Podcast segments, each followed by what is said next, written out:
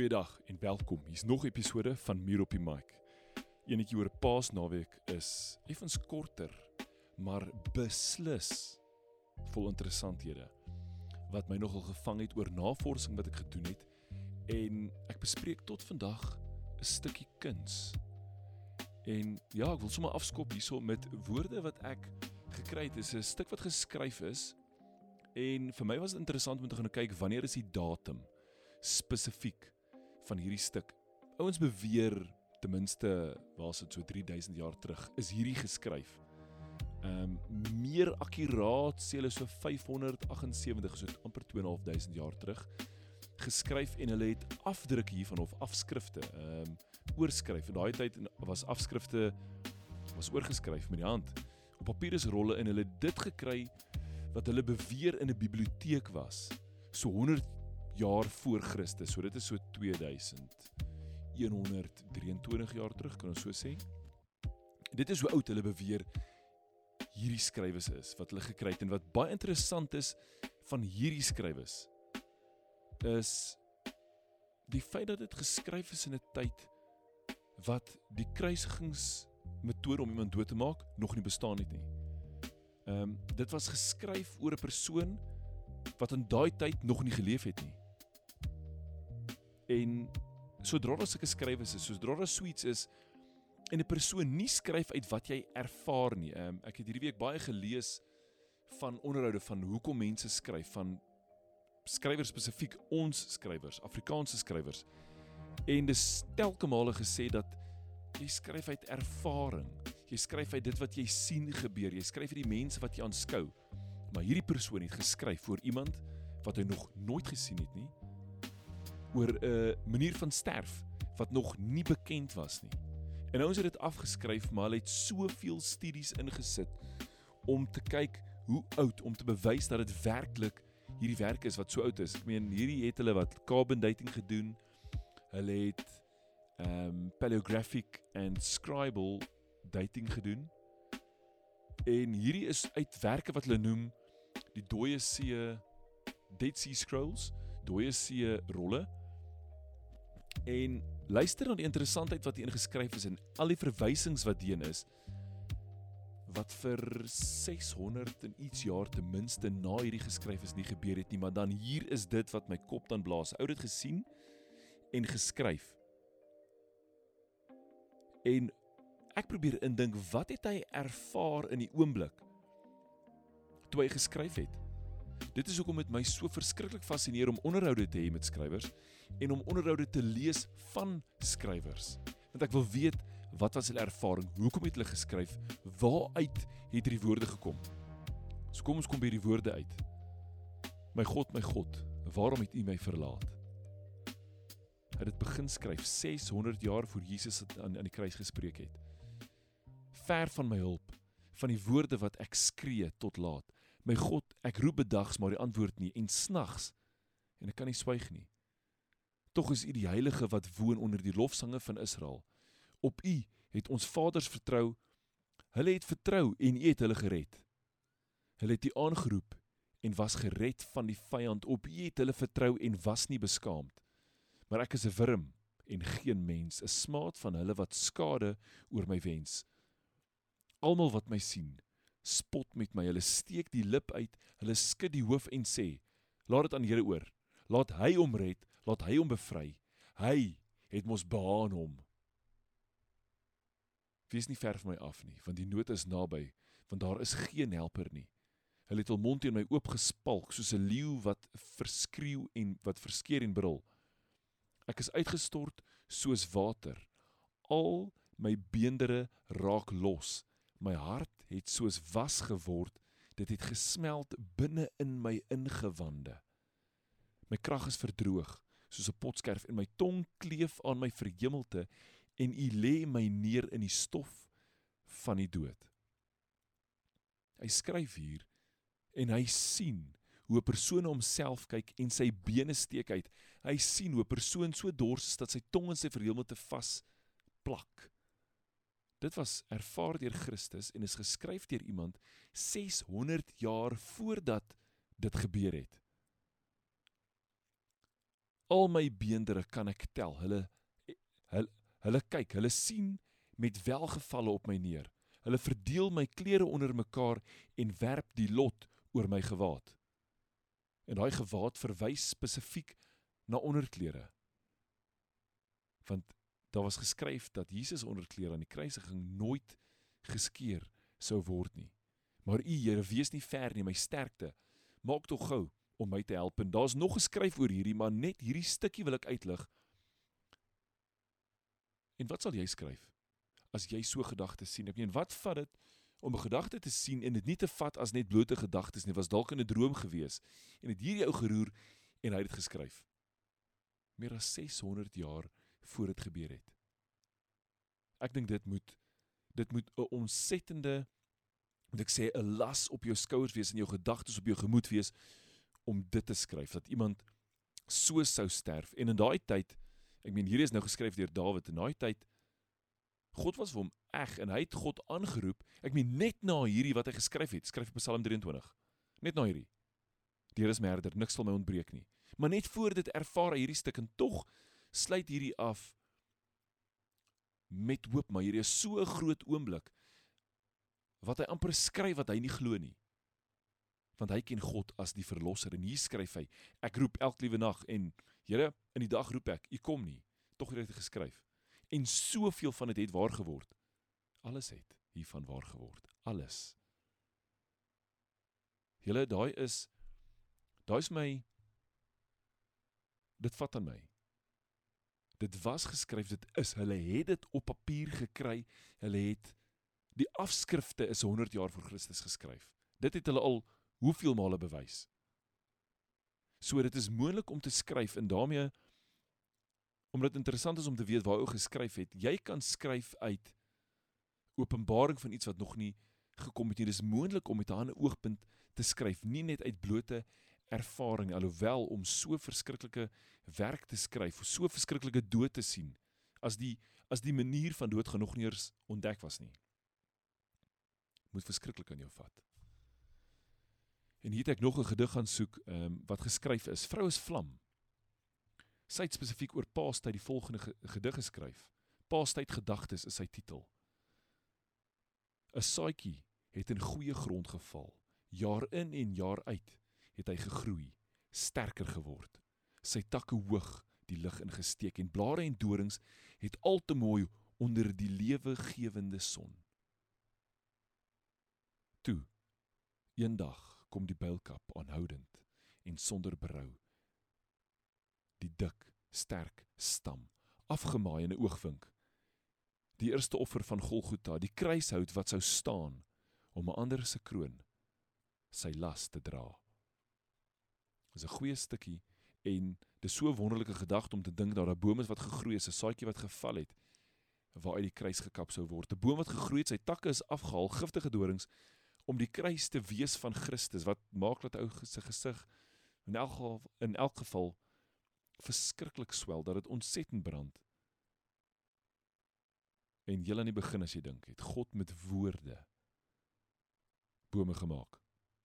Daai boom daai boom is gemaak. Is dit al vir vir voorbereiding vir eendag gaan dit nodig wees? Dis 'n interessante gedagte om oor te dink en te besef dat ja, die liefde van God is oneindig en groot en sy begeerte tot liefde tot mens tot verhouding tot ons wat leef so groot is dat hy sy eie seun gestuur het juis vir hierdie tyd wat ons dit vier. Ehm um, gestuur het sodat ons by hom kan wees want tog is hy die weg, die waarheid, die lewe. En net dink ek om 'n stuk skrif te kry, woorde op papier is geskryf in wat hulle noem Dead Sea Scrolls, hulle het dit en dit is geskryf voor Christus.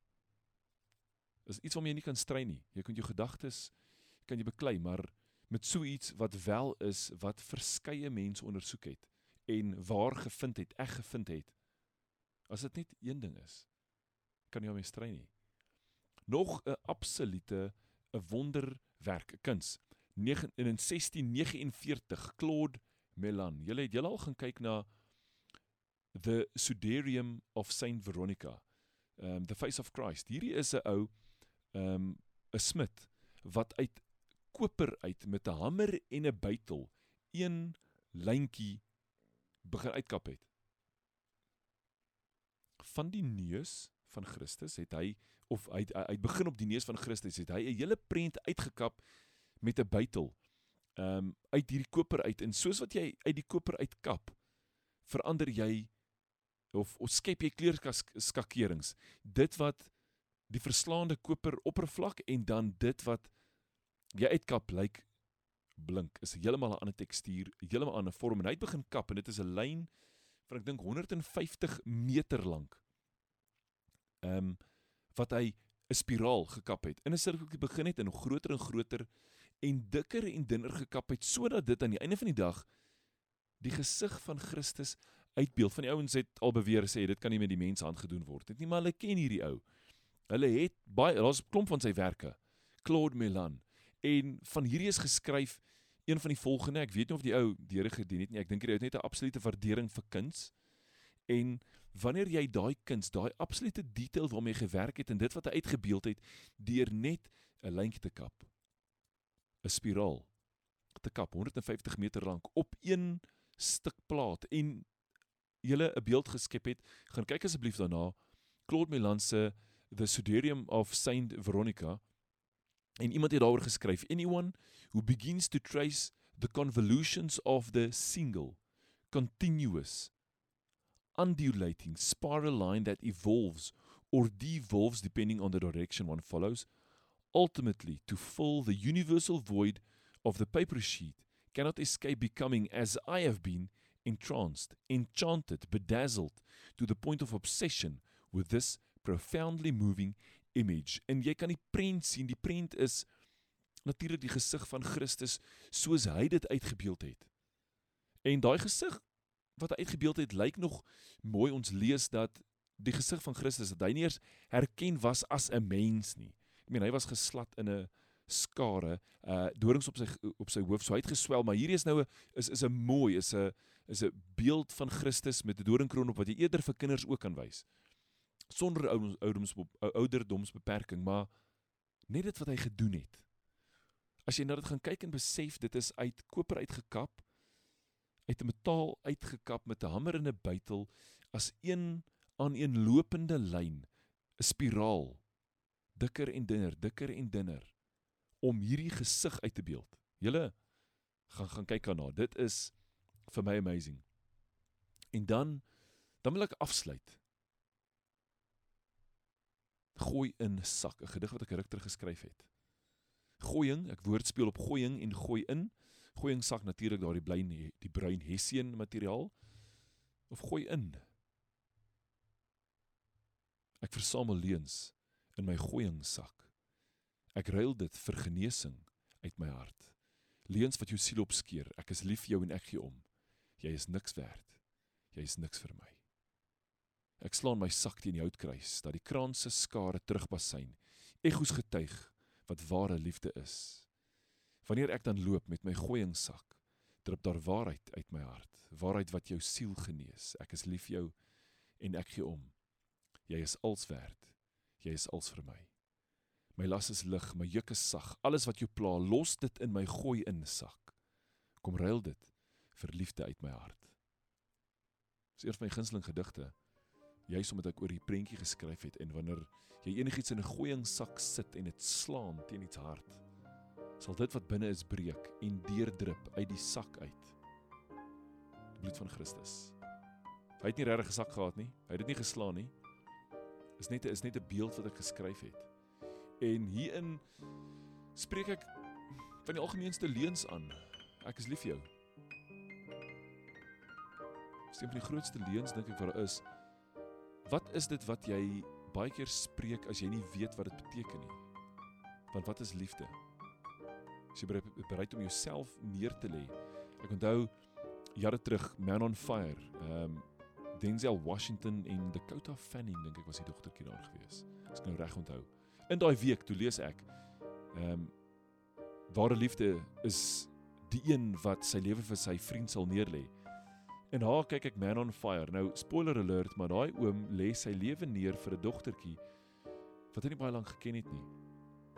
En julle ek het gehuil, die trane het in my keel af hier in my hemp, my keel afgeloop in my hemp en ek's net soos ek nie meer afvee nie. Hierdie is net amazing hierdie beeld wat let wat hulle uitbeeld om liefde, ware liefde uit te beeld. Nie, jou lewe neer te lê. En van die algemeenste woord wat ons baie keer hoor. Jy's niks werd, jy's niks vir my. Tog glo dit van jouself. Ek meen ek dink die persoon wat dit meeste vir jouself sê, vir jou sê is jy. Maar Jesus het gesê hy kom vat daardie woorde en hy sê ek is lief vir jou. Hy weet wat dit beteken want hy het sy lewe neergelê. Hy weet wat dit beteken. Hy gee waarlik om. Dis nie emosie nie. Dis nie 'n gevoel nie. Dis nie net in die oomblik nie. Ewigheid. Jy is als werd. Jy jy's als vir my. So met hierdie hoop ek regtig jy het 'n goeie paastyd gehad. Nou nie die hase nie in die eiers nie. Dit is the the feast of fertility. Is wat daai is. Ehm um, jy's ook Psalm 22 die sterkes van Basan, Bashan is juis die streek wat bekend was vir fertility. Jesus het gesê hulle staan om my. Net interessant dat dit wel daar is dat Easter die die die Spring Festival ook in hierdie tyd van Paasfees sal val. Ehm um, asof dit staan teen Christus soos wat geskryf is in Psalm 23. Interessantheid. Maar ja, hiermee sluit ek af. Ek hoop regtig jy jy het hierdie kon hierdie naweek rus, familietyd spandeer. By jou naastes uitkom, mense om jou en dalk net vir 'n oomblik aan die werk van Christus dink. Of jy nou daarin glo of nie, die skrifte is daar, dit is geskryf. Kan nie daarmee strei nie, dis daar. Iemand het regtig dood gegaan en iemand het regtig daaroor geskryf 600 jaar voor dit gebeur het. Dis goeie tye julle. Dis goeie tye. Ons het 'n verlosser en hy's lief vir elkeen. Maar wat is liefde regtig? gedagtes om oor te dink in hierdie week. Sukses julle. Gaan loop, gaan trap iewers spore in die stof. Want hierdie naweek vier ons juis spore wat getrap is, bloed wat gedrup het in stof. 2000 jaar gelede.